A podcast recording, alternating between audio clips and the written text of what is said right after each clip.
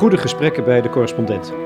Dit keer met emeritus hoogleraar Gabriel van der Brink over de moderniteit en de moraal.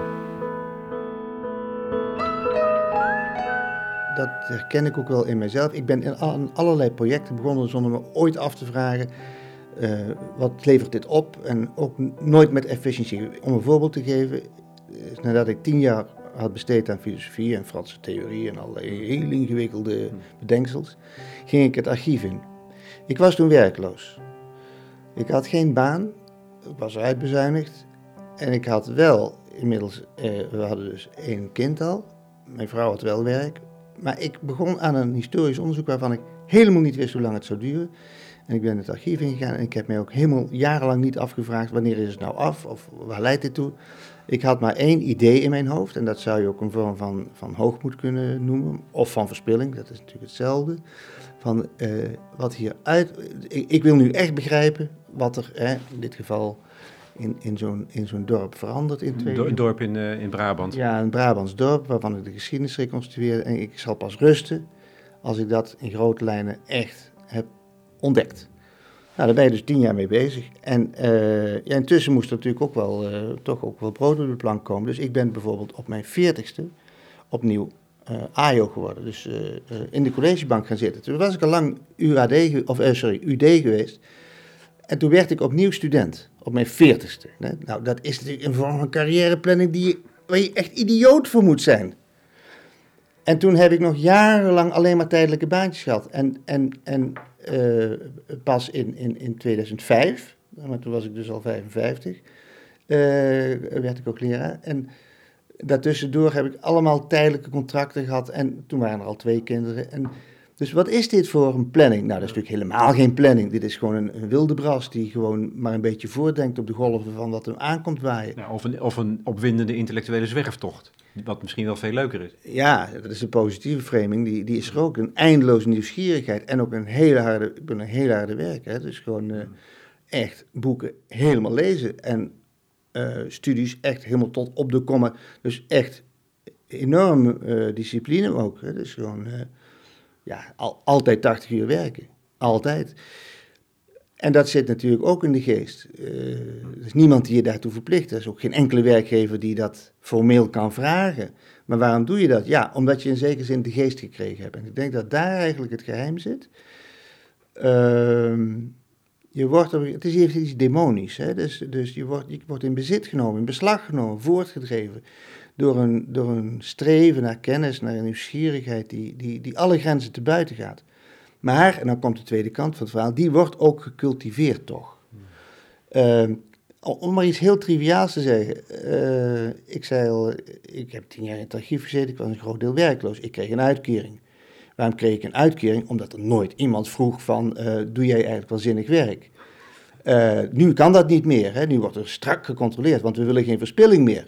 Dus nu zijn er geen idioten meer die tien jaar van hun leven in het archief stoppen om te ontdekken nou, dat levert dus hele saaie boeken op, want die boeken die moeten allemaal in vier jaar tijd af. En die, die doen nog eens over wat een ander heeft uitgezocht. Dus het avontuur, het, culturele, intellectuele avontuur, wordt niet geholpen omdat nu, uh, uh, nou ja, uh, we heel zuinig zijn op het gemeenschapsveld. Laat ik het nou maar positief zeggen.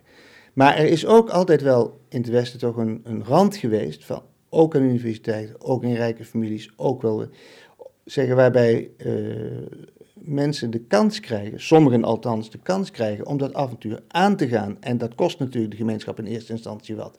Dat is een kleine investering die moet je doen. Hè. Je moet iemand zes jaar lang een minimum uitkering geven om dit rare werk te doen. Ik denk wel dat ik de samenleving daardoor iets kan teruggeven.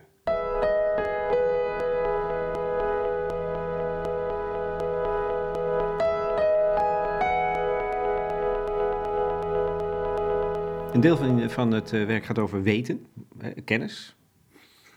Je beschrijft verschillende vormen van weten. Namelijk de, de, universitaire of de disciplinaire, maar net zo goed bij de professionals zit heel veel weten in hun bijna belichaming van de kennis. Wat een favoriet woord is. en, en je pleit ervoor om die verschillende vormen van kennis met elkaar te verbinden, als het ware. En zeker niet een hiërarchie aan te leggen. Maar wat is eigenlijk de grondslag daarvoor? Niet de grondslag, wat is de, wat is je motief daarvoor? Waarom is het zo belangrijk om ze niet uit elkaar te houden en bijvoorbeeld te denken dat de kennis die vergaard wordt aan universiteiten verreweg de hoogste en de belangrijkste kennis is? Maar nee, er zit ook in eh, mensen gewoon, in de professionals, in de politieagent, in de pianist zit kennis. En, en die is eigenlijk net zo belangrijk. Waarom vind je dat zo belangrijk? Ja, het is fijn dat je jezelf even corrigeert, want je begon te vragen wat is de grondslag Ja, daarvoor en vervolgens veranderde je naar Ja. motief. Waar. Dat is een belangrijk verschil. Ja, ik, bedoel motief. Ja, maar merk even op dat waarom het zo belangrijk is om het niet over de grondslag te hebben, omdat je dan heel gemakkelijk terechtkomt in een soort filosofisch of kentheoretisch eh, verhaal over wat zijn de fundamenten. En die grondslag is er niet. Nee. Er is geen enkele inzicht of, of, of conditie waarop je kunt funderen. Dat, dat is een heilloze zoektocht. Het is een inzicht wat als het ware wordt aangereikt door de ervaring van het leven zelf. Eh, dus eh, ook dit zou ik eigenlijk kunnen beantwoorden met een biografische verantwoording. Eh, kijk, het, het universitair, het academisch is, is mij buitengewoon dierbaar. Daar heb ik altijd aan gewerkt en dat zou ik ook altijd willen verdedigen. En, ook juist als het niet direct nuttig is. De fundamenteel onderzoek, of het nou in de natuurkunde is, of het nou is in de geschiedenis, is echt, dat is een kostbaar iets. Daar moeten we niet op bezuinigen. Maar het is ook wel iets heel merkwaardigs eigenlijk. Want eh, als je echt in het fundamentele onderzoek zit, dan kom je in een wereld die zo ver afstaat van het gewone leven. Of nou deeltjesversnellers zijn, of dat het nou. Dat snapt niemand meer. En zijn dan daarmee die andere vormen. En, en we vieren het natuurlijk in het Westen, hè, want we hebben die wetenschappelijke revolutie gehad, en we hebben de verlichting gehad, en we hebben Einstein gehad. En, eh, dus het is onze trots. Maar de valkuil is natuurlijk, en, en, en dat, dat is iets wat je niet uit de wetenschap leert, maar uit het leven, dat als mensen heel erg focussen iets waar ze erg goed in zijn, dat andere delen van het leven, eh, hun gezinsleven of hun leven in hun buurt of het leven in het openbaar, dat dat eh, erbij in kan schieten. Terwijl de werkelijkheid natuurlijk ruimer is. En in, in mijn leven, dus daarom zal ik het individueel beantwoorden, heb ik die ook in dit opzicht die vier continenten aangedaan. Dus ik zit heel erg in de wetenschap, maar ik heb ja, tien jaar aan de politieacademie gewerkt. eh, En ik heb daar dus gewoon echt heel veel samengewerkt met politiemensen. En ik heb ook samen met een goede eh, vriend, collega van mij, de, de stichting Beroepseer opgericht. Dus wij zijn ook al heel lang bezig met het schrijven over professionals. En beroepstrots hebben we gemaakt. En, dus we weten wel het een en het ander van wat professionals eh, in Nederland doen. En moeten doen en kunnen doen. Nou de zorg is of het onderwijs. En als je daarin verdiept, dan merk je dat die mensen niet alleen buitengewoon waardevol zijn, maar ook een heel andere manier te werk gaan dan in de wetenschap. Dus dat, heb dat ontdek je gaandeweg. En ik vind het belangrijk dat ze respect krijgen. Eh, niet dat elk professional gelijk is, er zitten ook hele arrogante types tussen. Maar daar gaat het niet over. Het gaat erom dat je vanuit de wetenschap vaak niet begrijpt wat een, in dit voorbeeld dan een eenvoudige politieagent weet en doet. En als je daar wel in verdiept, dan, dan ben je wat voorzichtiger met je wetenschappelijk oordeel. Want, we zijn geneigd om die vormen van kennis die bij professionals leven, om die te veronachtzamen, te vergeten of minder belangrijk te vinden, terwijl dat eigenlijk een ongelooflijk belangrijke vorm van kennis is. Ja, eh, kijk, eh, vanuit eh, het heersende idee dat het pas goed is als je het helemaal kunt uitrekenen tot in de komma, kunt meten, kunt kwalificeren, dan ga je dus evidence-based werken. Dat wordt ook gepropageerd. Ehm, nou, soms is dat goed, daar ben ik op zich niet tegen, maar het kan niet altijd. En dan kun je twee dingen doen op, voor die tweesprong. Zeggen, nou, dan wil ik het toch. En dan ga je dus de politieagent ook meten en die moet dan zich verantwoorden. En dan kom je in een management traject, wat we ook echt wel hebben in de werkelijkheid, waarbij die mensen worden afgerekend op het feit dat ze dingen doen die ze niet helemaal kunnen verantwoorden zoals een wetenschapper zijn experiment verantwoordt. Ja, is dat nou goed voor de veiligheid bijvoorbeeld? Denk het niet.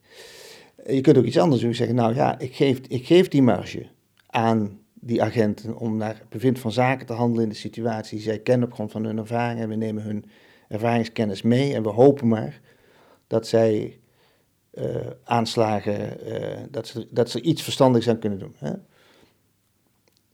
Dus dat is een, dat is een, ander, een andere vorm van, van weten. Nou, de, de, een derde vorm van weten heb ik het intieme weten genoemd. Daar is, eh, zijn vraagtekens bij geplaatst. Is dat wel zo intiem?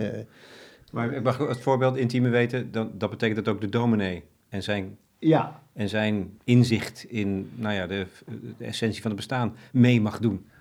Nou, in ieder geval de woorden uit de traditie mag gebruiken op het moment dat het bestaan moeilijk wordt. Dus eh, bijvoorbeeld pastoraal werk, Als mensen echt in de knel komen, uh, niet meer zien zitten, uh, wanhopig worden, zich de fundamentele vragen stellen over de zin van het bestaan. Die vragen worden niet beantwoord door de, door de wetenschapper. En vaak ook niet door de professional. Maar ze zijn er wel, die vragen. Kijk, er zijn wijsheidstradities. In het oosten, heel veel wijsheidstradities, vaak duizenden jaren oud. Ook wel in het westen. Uh, en wijsheid is toch iets anders dan wetenschappelijk inzicht. En, en zelf ben ik daar uh, op gestoten, ik kwam ook hier uit de dozen weer tevoorschijn. Ik heb, ik heb ik drie jaar lang ben ik me heel intensief met Freud bezig gehouden. En niet alleen met Freud, maar ook met alle vragen die daaronder zitten. Dus van uh, hoe zit het met het driftleven? Waar komen die angsten nou allemaal vandaan? En wat betekent eigenlijk. nou, ik ben daar erg door gevormd.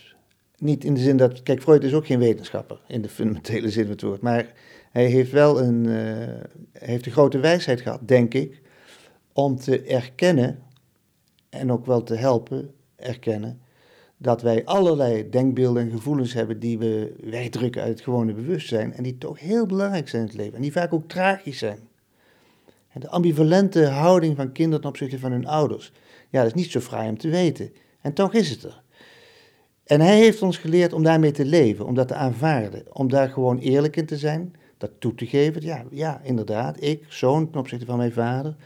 Ja, het, was een hele mooie, uh, ik heb veel bewondering voor die man, maar in jezelf te herkennen dat dat ook wrok kan zitten, angst kan zitten, dat heeft hij opengelegd. Hè. Dat kan, kan bespreekbaar worden gemaakt. Dat kan misschien niet opgelost worden, maar hij heeft dus geholpen om dat bespreekbaar te maken. Dat, is, dat getuigt van grote wijsheid. En dat vind ik het belangrijkste, sluit ik weer aan wat, op wat we net zeiden. Hij heeft dus daarmee ook gebruik gemaakt van die ruimte die er is in het Westen, kennelijk, om te erkennen in jezelf dat bepaalde fantasieën, bepaalde angsten, hoewel ze misschien niet reëel zijn, heel belangrijk zijn in het leven. En dan kan die innerlijke ruimte, die lange tijd door de religie was bezet, want daar gaat het in de religie natuurlijk over. Het gaat niet over de vraag of de wereld nou zes dagen geschapen is. Het gaat over existentiële vragen van bijvoorbeeld schuldgevoel. Dat, dat, dat, is de kern van Genesis. Hoe komt het dat wij een schuldgevoel hebben? Nou, daar heeft, geeft Freud een heel ander antwoord op. Maar het is belangrijk om in jezelf te erkennen, dat, om die ruimte te erkennen dat wij dat hebben en dat wij daarmee moeten dealen, ook als je het niet kunt oplossen. En dat daar fantasieën een rol in spelen. Dus dat is heel belangrijk dat wij in het Westen die ruimte hebben geschapen. Dus dat is wijsheid in, dat is een andere vorm van weten. Nee, er is ook nog het publieke weten, maar dat laat ik even liggen met je welnemen, want dat komt misschien nog wel terug bij het tweede grote onderwerp, namelijk de relatie tussen uh, macht en moraal. Mm -hmm.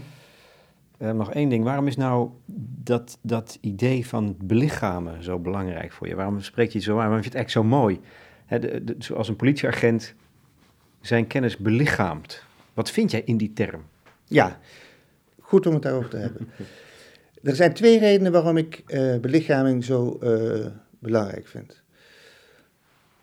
Uh, het eerste is eigenlijk puur wetenschappelijk. Um, we maken op dit moment een soort biologische revolutie mee. In de zin dat het mensbeeld, wat we hebben, lange tijd hebben gehad in het Westen, daar is natuurlijk al vanaf de Grieken is de ratio, het verstand en ook wel de moraal en het denken uh, heel kenmerkend geacht voor, voor wat wij als mensen zijn. Dat maakt het verschil tussen mens en dier uit.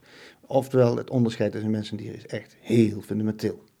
Vanaf uh, Darwin uh, is dat begonnen, is natuurlijk wel geknabbeld aan die kloof tussen mens en dier. En zijn we gaan begrijpen dat wij mensen ook dieren zijn, zij het hele bijzondere dieren. En dat wij weliswaar onderdeel zijn van de schepping, heel bijzonder onderdeel van de beschaving, maar toch onderdeel van de beschaving. En langzaam maar zeker is het mensbeeld dus gaan kantelen in de zin dat we ook de materialiteit van ons bestaan, ons lichaam, ook onze aandriften, ook onze relatie met de natuur, zijn positiever zijn gaan waarderen dan lange tijd het geval was. En daar komt nu sinds de jaren 80 eigenlijk een, is dat in een enorme versnelling gekomen door het onderzoek van eigenlijk het onderzoek voor een deel van breinwetenschappers, maar ik vind interessanter het onderzoek van uh, etologen, uh, Frans de Waal en, en allerlei mensen daaromheen, die dus uh, op grond van serieus onderzoek aantonen dat allerlei kwaliteiten waarvan we dachten, nou dat is uniek menselijk, dat dat ook bij dieren op een bepaalde manier al een rol speelt. Hè. Dat is natuurlijk niet zo dat we alleen maar dieren zijn, maar bijvoorbeeld de moraal, dat is natuurlijk voor mijn gedachtegang een belangrijk punt, dat die in beginsel al aanwezig is in het feit dat we als groepsdieren op elkaar zijn aangewezen. En dus, althans in, in een gemeenschap, rekening moeten houden met elkaar. Uh, als we dat tot ons laten doordringen, dan uh, snap je dat die uh, natuurlijke, biologische, lichamelijke dimensie van het leven, en dat is niet alleen dat we een lichaam hebben, maar ook dat het lichaam door de evolutie op een bepaalde manier geneigd is om te reageren op andere lichamen. Kijk, tussen man en vrouw weten we dat. Dat dat al heel lang speelt. Tussen ouders en kinderen weten we dat ook. Maar dat dat ook een rol speelt in, nou ja, in de omgang in de samenleving of in, de beroeps, in het beroepsleven, dat is, dat is toch eigenlijk wel, uh, wel een heel grote vernieuwing waar ik puur op wetenschappelijke gronden altijd door gefascineerd ben en op de, ben gaan doordenken. Maar, nou komt de tweede lijn waarom ik het zo interessant vind. En het interessante is dat die twee lijnen elkaar gaan vinden. Wat is het, wat is het christendom eigenlijk? Ik ben katholiek opgegroeid, uh, het op een hele liberale manier. Helemaal niet met al die klaagverhalen over de kerk, die dit en dat, heb ik helemaal niets mee te maken. Wij waren al heel vroeg in een hele humanistische eh, houding op zich. Maar ik ben wel katholiek opgegroeid. Dus ik ken dat ook. En uh, nou ja, daarna eerst flink links afgeslagen. Maar uiteindelijk, ik weet natuurlijk wel iets van dat christendom. Nou, links afgeslagen is letterlijk, hè, Marx, denk ik. Hartstikke Marx. Ja, ik ben echt Marxist geweest, tien jaar lang. Echt overtuigd, diep overtuigd. Eh, daar kunnen we het nog over hebben, maar dat is nu even niet aan de orde. Um, uh, die, dus wat is dat geheim van het christendom? Want het is natuurlijk, ja, het is nu op een laag pitje, zullen we maar zeggen. Althans in Nederland. Hè. Moeten we ook weer niet overdrijven, want buiten Europa is het christendom uh, bloeiende. Uh, maar in Nederland en omstreken is het geloof in zijn traditionele zin echt op een heel laag pitje. Maar het heeft wel 2000 jaar gefunctioneerd. En een enorme vormende invloed gehad op onze, onze waarden. Wat is dat christendom nou?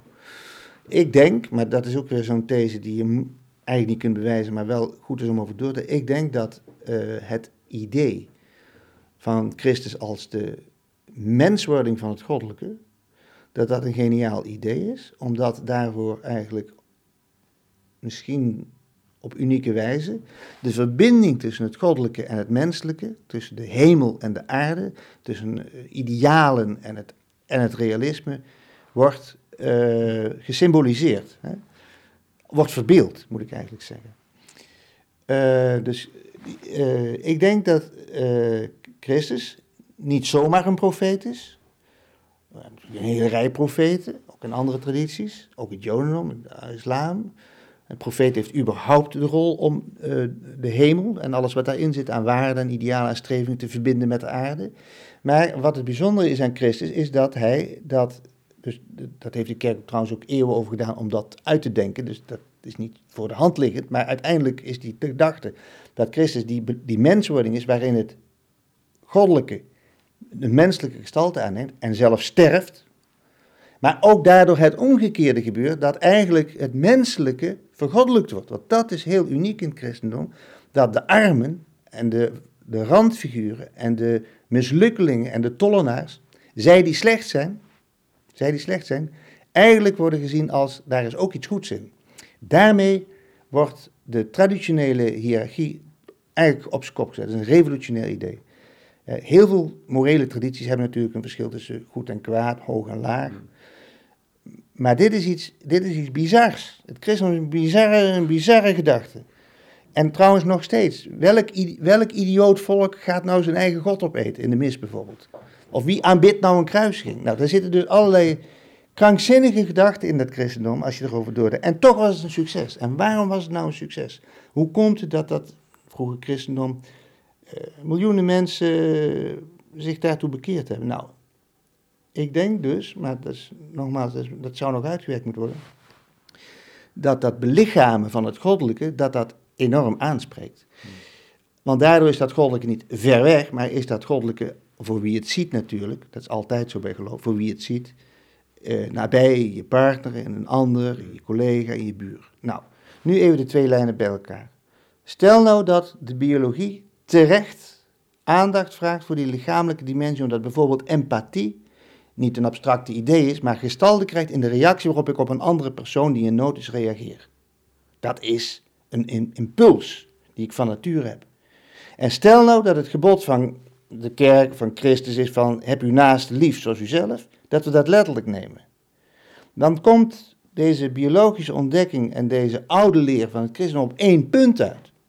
Dat is wat ik uh, intrigerend vind, omdat dit ook de oude antagonisme van wetenschap versus geloof volkomen over, over, voorbij gaat. En mogelijkerwijs ook enige verklaring zou kunnen bieden waarom dat, dat idiote christendom zo geweldig veel mensen tot de verbeelding heeft gesproken. Daarin wordt iets zichtbaar wat we eigenlijk al lang weten. Niet weten op een rationeel niveau, maar weten op een lichamelijk niveau. Namelijk dat als iemand die nabij is, hè, dus niet uh, een vluchteling die we niet kennen, maar iemand die naast je komt en die het moeilijk heeft, dat je daar van nature sympathisch op reageert.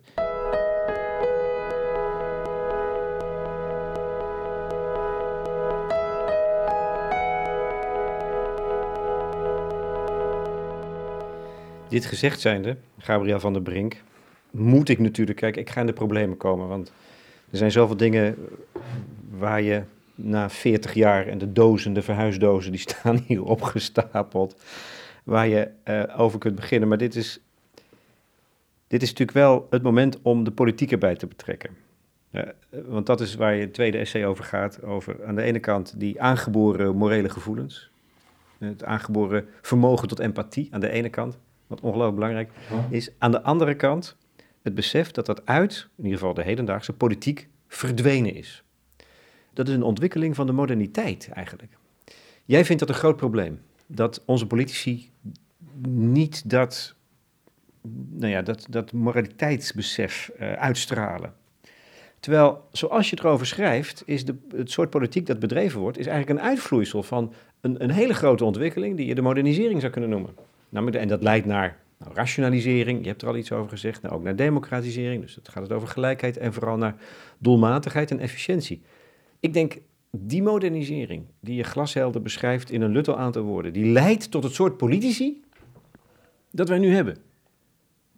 Dus, dus het is toch heel logisch dat die moraal uit onze politiek verdwijnt. En dat zal toch helemaal niet meer herstelbaar zijn?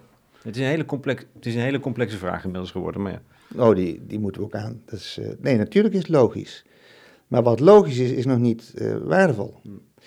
Het is logisch in die zin, klopt, uh, als je de modernisering opvat zoals ik gedaan heb, dan is het voorspelbaar zelfs dat het in het publieke leven politiek een professionele aangelegenheid wordt. En overigens, dat, ik ben absoluut niet de eerste die dat zegt. Dat heeft Weber natuurlijk een eeuw geleden ook al heel, heel erg mooi onder woorden gebracht. Politiek als beroep. Um, en dat is uh, inderdaad uh, in alle landen ook, ook aantoonbaar. Hè? En dat houdt in dat ze eigenlijk meer afstand nemen tot die aangeboren moraliteit in essentie. Als politicus, als professional. In, als professional hebben ze dan te maken met, met verstandige uh, analyses en oplossingen, rationeel, met gelijkheid van alle mensen en allerlei groepen, gelijkwaardigheid.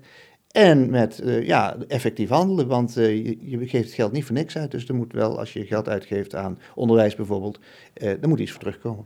En dat is alle drie heel goed begrijpelijk vanuit de modernisering. En bovendien is dat ook alle drie een normatief iets. Dat is niet iets rationeels in zich. Het waarderen van, van, van, van rationaliteit, het waarderen van gelijkwaardigheid en het waarderen van doelmatigheid is een normatief iets. Dus daar, daar liggen belangrijke waarden aan ten grondslag. Het probleem is alleen dit en die waarden zijn dus de afgelopen twee, drie eeuwen echt stevig gevestigd in de westerse wereld. Gaan wij ook niet zomaar opgeven. Hè? Dus uh, liever niet. Maar moral sentiment is iets anders. Eh, want moral sentiment is eigenlijk op elk van deze drie punten het tegendeel. Uh, het is namelijk niet een kwestie van het verstand, maar een kwestie van het gevoel. Als ik tenminste even uitga van, van Adams misomschrijving, maar dat, dat weten we ook uit eigen ervaring wel. Dus die belichaming weer. Ja, het is ook niet een kwestie van uh, alle mensen zijn gelijk. Ja, misschien zijn ze wel gelijk voor de wet en zo, maar in de realiteit van het meevoelen, van het sympathiseren, van het, van het voor elkaar zorgen, maak ik verschil. Want ik zorg vooral voor de mensen met wie ik iets heb of iets krijg en niet voor alle andere mensen. Dus dat is anders. En tenslotte, ja, met doelmatigheid heeft het al helemaal niks te maken. Want zorg geef je en als het, als het goed is, vraag je niet eens af of het ergens toe dient en of er iets terugkomt. Dus moral sentiment in die klassieke existentiële zin, is van een andere orde dan moderniteit. En dat is op zich helemaal geen probleem, mits je tot een gebalanceerde eh, mix komt. En ik denk dat op heel veel terreinen die mix ook wel bestaat. Dus wij hebben een heel groot onderzoek gedaan naar, naar geestelijke beginselen in, in de moderne samenleving. En dan zie je dat, nou inderdaad, bij de politie en in het onderwijs en bij de gezondheidszorg en trouwens ook tussen normale burgers, die mix heus wel gevonden wordt. Het is niet waar dat mensen voor een duivels dilemma staan dat ze moeten kiezen of voor een modern leven of voor moraliteit. De meeste mensen in de meeste situaties kunnen een hele redelijke mix vinden waarin ze zowel modern zijn als moreel gedreven. Behalve de politiek.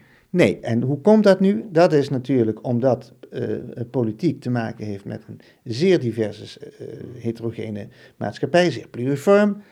En de zaak moet een beetje goed gemanaged worden. En dat zou nog wel kunnen, die zou de politiek nog best wel technocratisch kunnen opvatten, als politiek daarover ging. Kijk, bestuur Bestuur is een zeker een, een, een technisch ambacht. Je moet de regels goed toepassen, je moet gelijkwaardigheid toepassen, je moet je geld niet bespillen. Dus besturen, dat, dat kunnen we vrij professioneel. Daar zijn we in Nederland ook vrij goed in eigenlijk. Maar politiek is iets anders dan bestuur. Politiek is ook een passie. Politiek is een passie, en dat is ook al bij de Grieken gedemonstreerd, en dat vind je in alle samenlevingen. Politiek is een passie van een gemeenschap die, haar, die niet alleen haar, haar, haar mooie waarden, maar ook haar haat, ook haar agressie, ook haar conflicten, ook haar, uh, nou ja, alle deugden en ondeugden in het openbare leven gerepresenteerd. Kijk, voor een deel is politiek inderdaad theater, maar dan vat ik theater heel serieus op, namelijk als de manier waarop we de dilemma's van het leven eh, toonbaar, zichtbaar maken voor elkaar en, en ons daar een houding toe kunnen. Uh, dus er speelt zich iets af op het toneel van de politiek, wat alles te maken heeft met wat er in de zaal zit. Alles. Het publiek, dus daarom is het ook een retorische zaak. De woorden van een politicus, elk woord van een politicus of politica, heeft relatie met datgene wat het publiek voelt, wil, niet wil, vreest, noem maar op. Dat is het theatrale aspect van politiek. Dus dat is iets heel anders dan cool besturen. En lange tijd hebben we in Nederland, en veel lang zeggen, dat weggedrukt. Is die gepassioneerde kant van de politiek, dat deden we liever niet. Want in de moderne staat, in de moderne overheid, het hoogstens dat je aan efficiënte communicatie doet, en dan speel je er een beetje mee, maar je gaat natuurlijk niet de, de, de kracht en de driften die in de samenleving spelen op dat politieke toneel. Bovendien, we weten uit de Tweede Wereldoorlog en uit alle andere hoe slecht dat kan aflopen. Dus er bestaat een gefundeerde sceptisch over, over, over het, het risico als je al die driften op het politieke toneel toelaat. We hebben ze weggedrukt. Nou, hier komt dan de Freudiaan in mij. Je kunt dat heus wel een tijdje wegdrukken. Maar A, je mag niet ontkennen dat ze er zijn. En B, als je ze erg lang wegdrukt, dan krijg je vervelende symptomen. Dus laat ik zeggen, het bewuste verhoudt zich tot het onbewuste, Freud, zoals de politiek zich verhoudt tot de samenleving, situatie in Nederland. Dus ik denk dat het heilzaam zou zijn om twee dingen te doen. Even op deze analogie doordenken. A, om analoog aan Freud te erkennen dat in het werkelijke leven veel meer speelt en ook veel ambivalenter dingen spelen dan je je fatsoenlijke bewustzijn meent toe te mogen laten. dat, bij Freud de agressiedrift, de seksuele drift, de angst, de dwangneuroses, dat is er allemaal. In die zin is de samenleving een zeer driftig geheel, waarin van alles speelt. Ook goede dingen. Nou ja, eh, de politiek is dan een soort rationalisatie daarvan en houdt dat zaakje onder controle, althans probeert dat. Maar ja, daar is een grens aan. En dat is precies omdat die politiek ook de functie heeft om onze driften en mm. uh, uh, verlangens in het publiek uit te drukken. En dat aspect doen de professionele politici eigenlijk niet. En daarom doen anderen aan de randen van het politieke spectrum dat wel.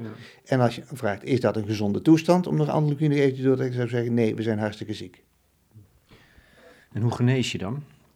Je, doet, je wil eigenlijk dat die politici hun geloofwaardigheid, en dan komt dat begrip terug, uh, terugwinnen. Dat kunnen ze alleen als ze zich, als het ware, weer verhouden tot die moraliteit. Doen al die andere dingen die politiek zijn wel, maar ze vergeten eigenlijk hun eigen moraliteit. Om die uit te stralen, denk ik. En daarmee geloofwaardigheid terug te vinden. En dat, en dat verbindt zich dan met die, met die vorm van publieke weten, die jij eigenlijk in het andere essay beschrijft als een soort van retorica. Die twee dingen kan ik niet goed met elkaar verbinden. Ik vind retorica, en, en ik zie eigenlijk heel veel retoriek in het politieke optreden van onze politici. Dus ik, ik kan me niet voorstellen dat dat de weg is om hun geloofwaardigheid terug te winnen. Hoe, hoe krijgen ze echt in deze tijd, in deze moderne tijd, hun geloofwaardigheid terug? Ja, daar zit wel een, eh, een, een, een knoop waar ik nog niet helemaal uit ben. Dus je hebt gelijk als je zegt dat dat zit nog wat gevrongen in mijn, in mijn tekst. Maar misschien moeten we onderscheid maken tussen retoriek en retorica. Hm. Kijk, ehm, retoriek in de zin van woorden die op het eerste oog heel fantastisch klinken, maar eigenlijk gewoon hol zijn, daar, daar zitten we niet op, daar pleit ik niet voor. Maar dat is wat we zien juist de hele Ja. tijd. Een krampachtige poging om Ja. op die manier geloofwaardig te zijn. Ja. Maar als je nou eens duikt in de literatuur, en dat heb ik natuurlijk gedaan, eh, dat, trouwens dat hebben wij in Tilburg met, met, met velen gedaan, zeggen, we, hebben acht jaar lang een onderzoeksprogramma gedraaid naar geloofwaardigheid in de politiek en bestuur. En we zijn dus met allerlei punten op zoek gegaan van wat maakt het nou het verschil tussen geloofwaardige en niet geloofwaardige bestuurders. Dus daar weten we echt wetenschappelijk wat van. Dan is het zo dat in de moderne eh, samenleving, met, met, met de moderne media, eh, erg moeilijk is geworden om toneel te spelen in de zin van Machiavelli. Kijk, Machiavelli zegt, een vorst moet goed schijnen en slecht zijn. Dus die mag best eh, met de linkerhand een, een, bepaalde minderheid eh, uitmoorden of marginaal maken. Maar als, zolang hij maar eh, naar het grote publiek toe mooi weer speelt. En er zijn ook landen in de wereld waarin dat nog steeds, dus als ik denk dat het optreden van Poetin, zou ik maar even zeggen, dat dat wel vrij machiavellistisch is. En sommigen proberen het misschien in Nederland ook op die manier. Maar is dat nou geloofwaardig? Nee.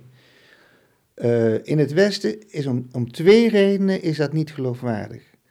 En de, en de eerste reden heeft een hele lange geschiedenis. Namelijk dat in het Westen al heel lang, gaan we echt terug naar het begin van de middeleeuwen, eh, van de vorst verwacht wordt, van de machthebbers verwacht wordt, dat ze moreel deugen. Dus dat is een lange geschiedenis. En nu komt er een korte geschiedenis bij, namelijk de geschiedenis van de afgelopen twintig jaar. Wij zien die politici en die machthebbers dagelijks op televisie. Wij zien ze van zeer nabij. Wij zien ze eigenlijk beter dan velen echt leren elkaar zien, namelijk op een afstand van een meter. Wij zien alles aan hun gezicht. Nou weet ik niet of je het werk van Ekman kent, Paul Ekman. Dat is een psycholoog die heeft uitgelegd hoe, dat het menselijk gezicht, hoe dat functioneert. Het menselijk gezicht verraadt altijd, automatisch, wat er in iemand leeft. Waarom? Dat is een onbewust proces. Dus iemand die blij is, die laat dat zien. Ook in China. Zij het iets minder goed zichtbaar voor ons, maar het gezicht is een spiegel van de ziel, de meest letterlijke zin. Wij zien voortdurend aan elkaar hoe je erin zit. Niet of je efficiënt bent, maar hoe je erin zit. Dus wij zien aan die politici wat ze echt vinden, zonder dat we het onder woorden, zonder dat ze het zelf onder woorden kunnen brengen. Maar wat vinden u en ik nou overtuigend? Wanneer zeggen we nu innerlijk ja tegen zo'n optreden? Wanneer zitten wij in de zaal en beginnen wij ontroerd te raken? Of wanneer gaan wij applaudisseren? Soms zijn die momenten er. Hè? Uh, ik las nu dat er een documentaire komt over Abu Talib, de twee gezichten van Abu Talib, die hebben we nog natuurlijk niet gezien. Maar in zijn optreden in Zomergasten bijvoorbeeld, zag je iets opglimmen van deze kunst, om het goed te zeggen. Omdat hij van de ene kant natuurlijk een bepaald politiek standpunt had, dat ging tegen Wils en het ging de... Nou ja, dat kennen we, dat fatsoenlijk, uh, een beetje behoudend PvdA-standpunt. Oké, kun je het mee eens zijn of niet. Maar je zag ook zijn eigen persoon en zijn familiegeschiedenis daardoorheen glimmen op het moment dat het persoonlijk werd. En dan voel je ook, je ziet het ook, dus is echt, echt een theatrale sensatie. In dat interview, dan wordt het meer dan alleen maar een politicus. Dan, daar gebeurt iets. Hè, daar is iets aan de hand. Ja, dit is echt. En zelfs als het gespeeld is, kan het nog echt zijn. Hè? Dus we maken even niet de naïeve fout van Nederland van als het gespeeld is, is het niet echt. Nee, goed gespeeld is echt. En dat willen we hebben. Dat zag je ook, uh, uh, nou ja... Maar, maar waarom is het van belang? Omdat je dan zicht krijgt op die morele kern die verder eigenlijk buitenspel staat in het politieke bedrijf. Daar gaat het toch om, dat wij... Dan, want dat is, dat, is een, dat is een belangrijk aspect voor politieke geloofwaardigheid. Juist die moraal. De oude hoop, hè, toch tenminste 2000 jaar, dat de machthebber ook in moreel opzicht deugt, wordt dan heel even waar. Ja. En dat is niet altijd zo, dat is meestal zelf niet zo, maar af en toe moet dat vonken. Af en toe moet dat gerepresenteerd worden. Zonder dat uh, wordt politiek gereduceerd tot op de winkel passen. En dat hebben we heel lang gehad. Vanaf de jaren 70 is er op de winkel gepast. Dat moet ook gebeuren hoor. Ik bedoel, de begroting moet op orde.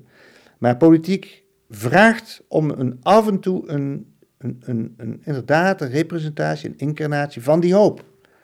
Want als we dat niet hebben, en dat, ja, dat kan ik verder niet verklaren, maar dat is kennelijk een gegeven van, van veel samen, in ieder geval van de westerse samenleving. Wij moeten af en toe uh, kunnen uitstijgen boven het triviale van, uh, ja, van, van, van, van de euro en de begroting en, en, en de zaken gaan verder. Ja.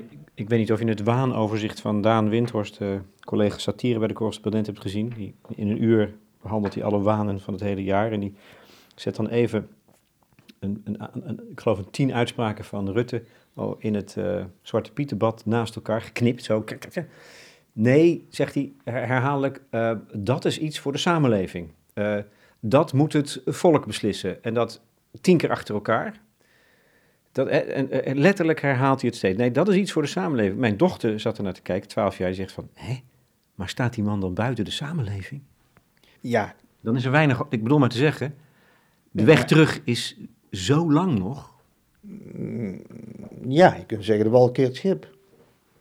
Dat kan ook, hè. Dus dat het nu zo uh, idioot onthecht is geraakt en maar glimlachen, en maar glimlachen, en maar geen visie hebben, en maar op de handel wijzen. Dat mensen zeggen, ja, sorry hoor, maar nou gaan we toch echt iets anders uh, kiezen of doen. Of, en veel mensen doen dat ook. Dus de, zeg, in zekere zin is de liberale hegemonie, en dat bedoel ik dus niet alleen in economische zin, maar ook in de zin van levenshouding, zo dominant geworden dat als vanzelf mensen, uh, zo dialectisch zit politiek in elkaar, als vanzelf dingen gaan benadrukken die helemaal niet passen in die, in die liberale uh, vrijheid. Dus dat is, dat is ook een riskant spel. Ik bedoel, ik, ik, ik ben hier niet naïef in. Uh, ik denk dat bepaalde elementen van de liberale houding, liberale democratie, liberale politiek erg waardevol zijn. En dat we dat in Nederland echt moeten koesteren. Al was het maar om, om, om ruimte, vrijheid van, van, van meningsvorming te behouden. En vrijheid van en tolerantie te behouden op godsdienstig vlak. Maar je ziet, en dat is waar ik zeg, als intellectueel over moet nadenken, dat juist omdat, omdat in het publiek uh, eigenlijk er geen enkele politieke passie en drift en, en hartstocht uh, wordt geëtaleerd, dat mensen die die hartstochten wel hebben, en het zijn er vele in de samenleving, want het zijn allemaal gewone mensen, die zoeken naar een andere uitweg. En, uh, uh, en, en, en wie kan dan het spel nog goed spelen? Hè? Dus uiteindelijk hm. kom ik toch uit op een opvatting van politiek als een hele bijzondere balanceerkunst. Kijk, ik zal nooit zeggen van doe maar 100% moraal in de politiek. Dat gaat verkeerd aflopen, hebben we ook gezien. Maar politiek is in mijn opvatting, het is een soort werkdefinitie die ik in de aanloop naar deze afscheidsreden toch maar even, ja, je moet af en toe iets definiëren als wetenschapper, ik zeg, is het balans, heb, ik een definitie van politiek uh, bedacht die, die misschien helpt. Hè, politiek, en die trouwens ook het programma voor mijn toekomstig werk inhoudt. Zo is het dan ook alweer. Uh, politiek is het balanceren van macht, markt en moraal met het oog op de publieke zaak.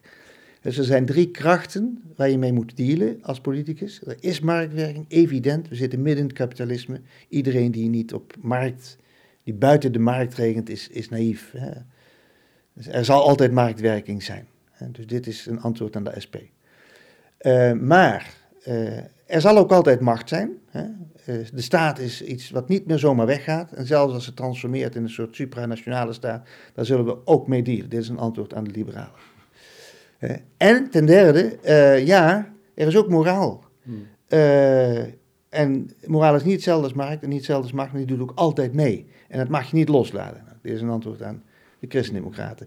En zij, alle drie vereenzijdigen natuurlijk dit spel. En uh, ja, de publieke zaak krijgt alleen maar gestalte in het, in het snijpunt van deze drie lijnen. Nou ja, dat is een soort filosofische gedachte die, die ook opnieuw maar, nog maar eens bewezen moet worden, maar die wel zinvol is om na te denken over wat politiek nu is of zou kunnen zijn. We zien dat uh, uh, lange tijd is natuurlijk uitsluitend op de, de macht ingezet. De verzorgingsstaat is natuurlijk, alles wordt dan via de staat geregeld. Nou, daar zijn we van doordrongen, dat, dat, dat heeft veel nadelen, laat ik het maar voorzichtig zeggen. Vervolgens heeft men totaal overgeschakeld op de markt. Zelfs eh, in de zorg moet nu alles via de markt werken. Het is nu 30 jaar gaande dat programma. Heel veel onderzoeken wijzen uit dat het niet helpt. Dat het, het is echt een geloofsartikel. Het is echt iets waar men op inzet, omdat men erin gelooft, zonder dat dat serieus is onderzocht. Uh, ik geloof dat uh, in, ja, misschien zelfs in de NRC nog, een, of de Volkskrant, dat weet ik even niet, maakt ook niet uit. Een soort van marktwerking zorg, helpt dat nou wel of niet? Nou ja, sommige punten wel, maakt eigenlijk niet uit, is de conclusie. Dus waarom doen we dan al die moeite? Waarom moet aan het eind van het jaar al die mensen hun zorgverzekering herzien? Waarom worden er miljoenen, miljarden gestopt in het realiseren stel, als het niet uitmaakt? Waar zijn we mee bezig? Nou, we zijn bezig met een geloofsartikel. Daterend uit neoliberale tijd van de jaren 80. Dus markt is ook niet alles. Is moraal dan alles? Evident niet. We zijn, we zijn niet naïef. Uh, maar het doet wel mee. Dus die herbalancering, dat lijkt mij zinvol.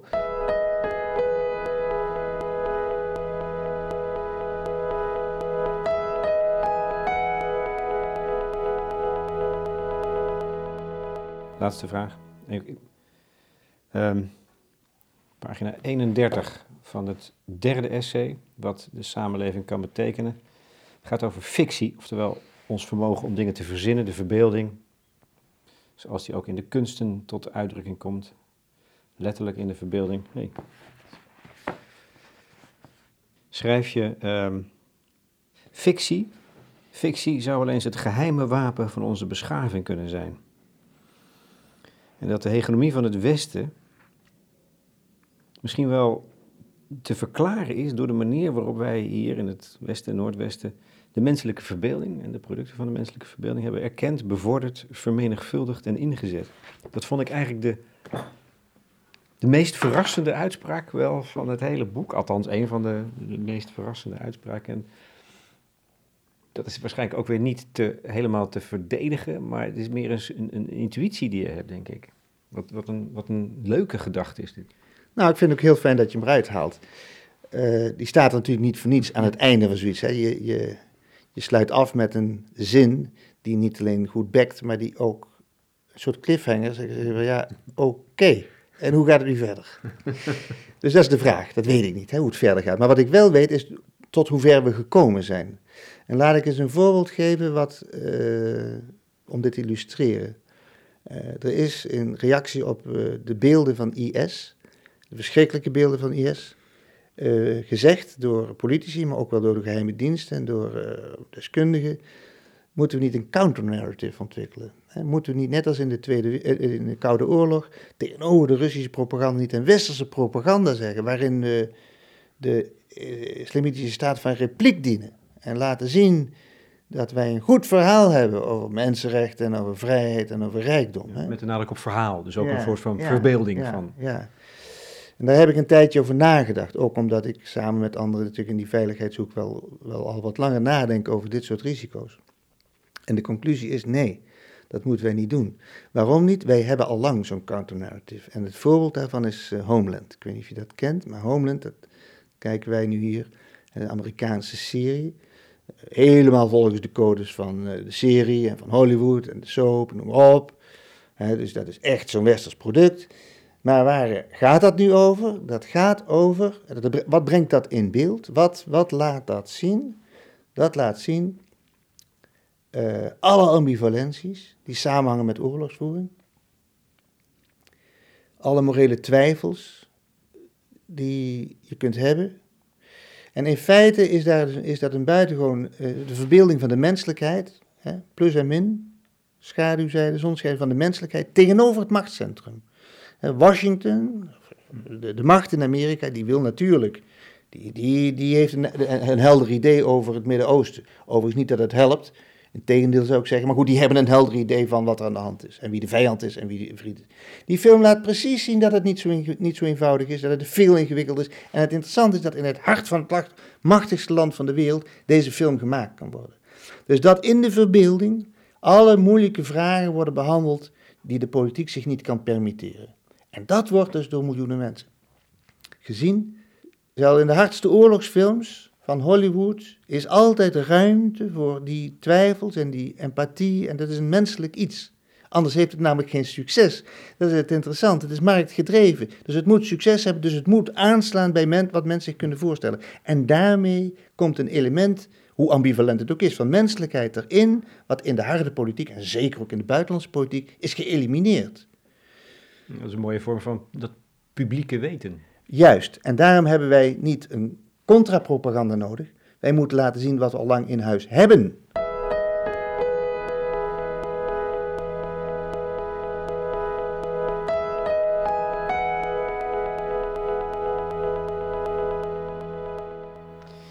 Gabriel van der Brink, we praten over je afscheidsreden en afscheidsessays tussen de verhuisdozen en de kerstboom.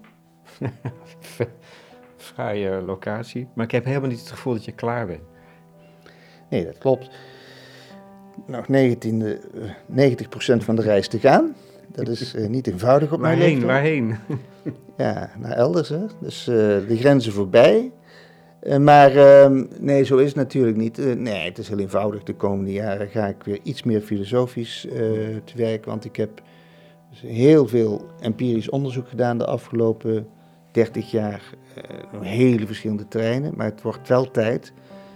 En dat kan ook nog wel als je 65 bent, denk ik. Dat, dat, dat je ook een soort synthese maakt. Of een soort samenhangende gedachtegang.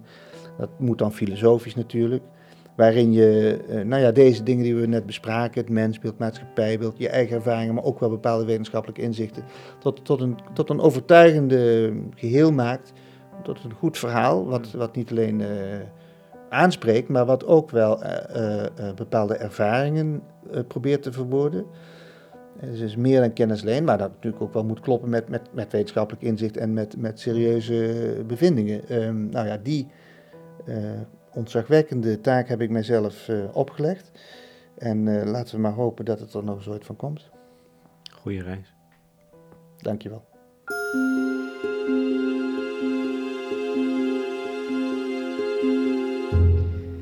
Gabriel van den Brink in gesprek met Lex Bolmeijer over, uh, ja, over alles. Over de vragen van Kant en de moderne samenleving. Over moraal en macht en politiek voor de correspondent.